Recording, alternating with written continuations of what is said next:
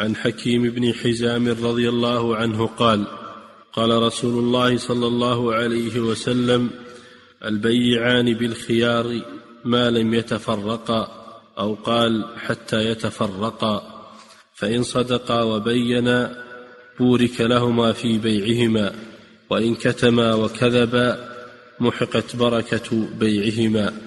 هذا بمعنى الحديث الأول لكن الحديث الأول فيه إذا تبايع الرجلان تبايع وهذا فيه البيعان والمعنى واحد. البيعان يعني البايع والمشتري. وفيه أن أنه بعد العقد يبقى الخيار ما دام في المجلس في مجلس العقد. وفيه زيادة وهي وجوب الصدق وجوب الصدق وأن لا يخدع أحدهما الآخر.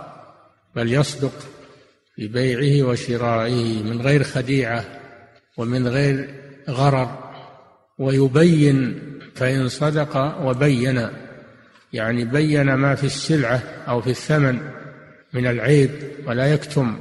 ما يكتم واحد منهم ما في يده إذا كان فيه عيب فلا بد أن يبين للطرف الثاني. أما إذا لم يبين فقد كتم. وهذا غش وخديعة فإذا حصل الكذب في البيع والتغرير أو حصل الغش في البيع البيع يصح البيع يصح بناء على الظاهر. ولكن تمحق البركة. إن كانا متفقين على الغش وعدم البيان فإنها تمحق بركة الاثنين البائع والمشتري. أما إذا كان الكذب والغش من طرف واحد فإن الذي حصل منه ذلك ليس في بيعه وشرائه بركة. فليحذر التجار من مدلول هذا الحديث. لأن أغلب بيع الناس اليوم وشراهم على الغش والخديعة ويعتبرون هذا يعتبرون هذا من الحنكة في البيع. يعتبرون الغش والخديعة والتلبيس يعتبرونه من حسن آه، التصرف ومن الحنكة في البيع ومن آه، المرونة في البيع وهو في الحقيقة أنه محق للبركة. محق ويصبح ماله لا بركة فيه لا بركة فيه ممحوق البركة. وإذا محقت منه البركة فلا خير فيه.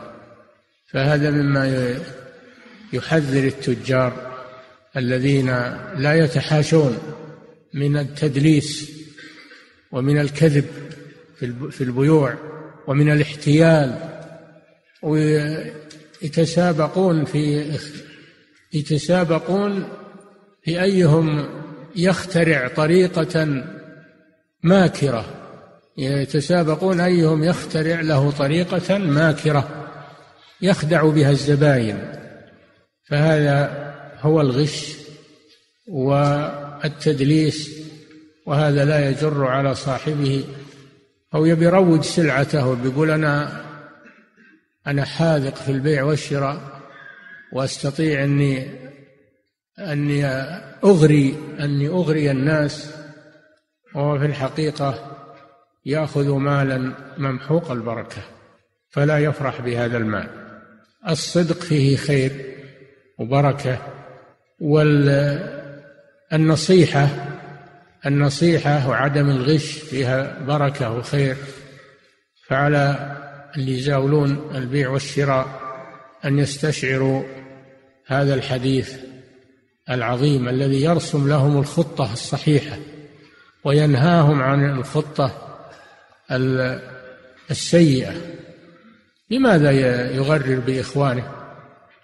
ما هو البيع والشراء؟ ما هو نهب وسرقة وخيانة. البيع والشراء عقد شريف نزيه نصيحة.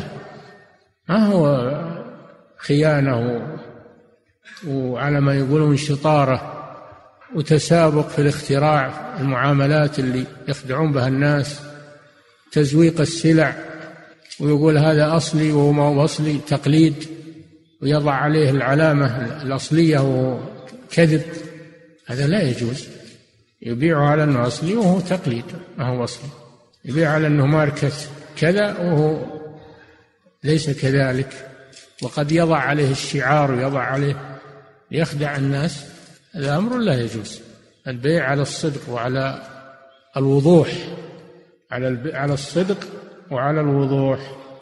فلا يكون فيه دخل أو فيه خديعة أو فيه جحود لشيء مكتوم هذا لا يجوز بين المسلمين.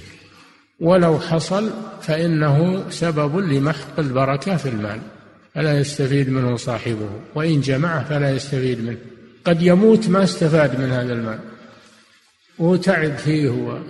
يموت ما ما استفاد محروم يحرم من من خيره وبركته. أما إذا صدق وبين فإن الله يبارك. يبارك في ماله يستفيد منه في معاشه وفي وفي الصدقات وفي وجوه الخير فيستفيد منه لأنه مال مبارك إن استعمله فهو مبارك وإن تصدق منه فهو مبارك ويقبل منه. أما المال الذي يحصل عليه عن طريق المكر والخديعة فهو ممحوق البركة ويحرم من ثوابه ويحرم من فائدته. نعم.